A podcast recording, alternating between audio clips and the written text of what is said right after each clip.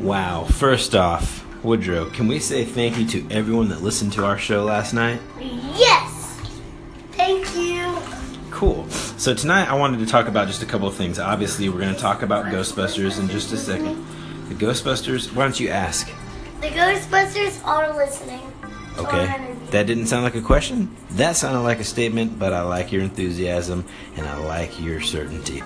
So, we talked about a little bit about New York City last night. That's a place that Woodrow and I and probably the rest of our family will go to someday, but definitely us and his uncle Tyler, my best bud, uh, will be coming with us. So that's exciting as well. For four Ghostbusters.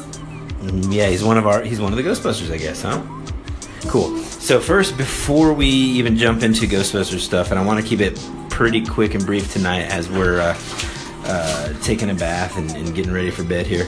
Um, what is something really cool that you learned in summer camp today?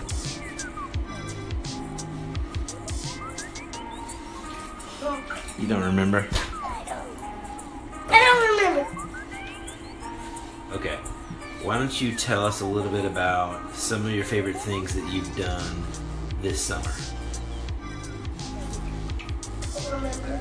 Man alive. A lot of shrug shoulders and don't remember the answers uh, this evening, which isn't really going to make for the best uh, podcast, but that is the reality of having an almost five year old. Um, and that's coming soon, too. And in fact, your baby sister turns what on Saturday? One.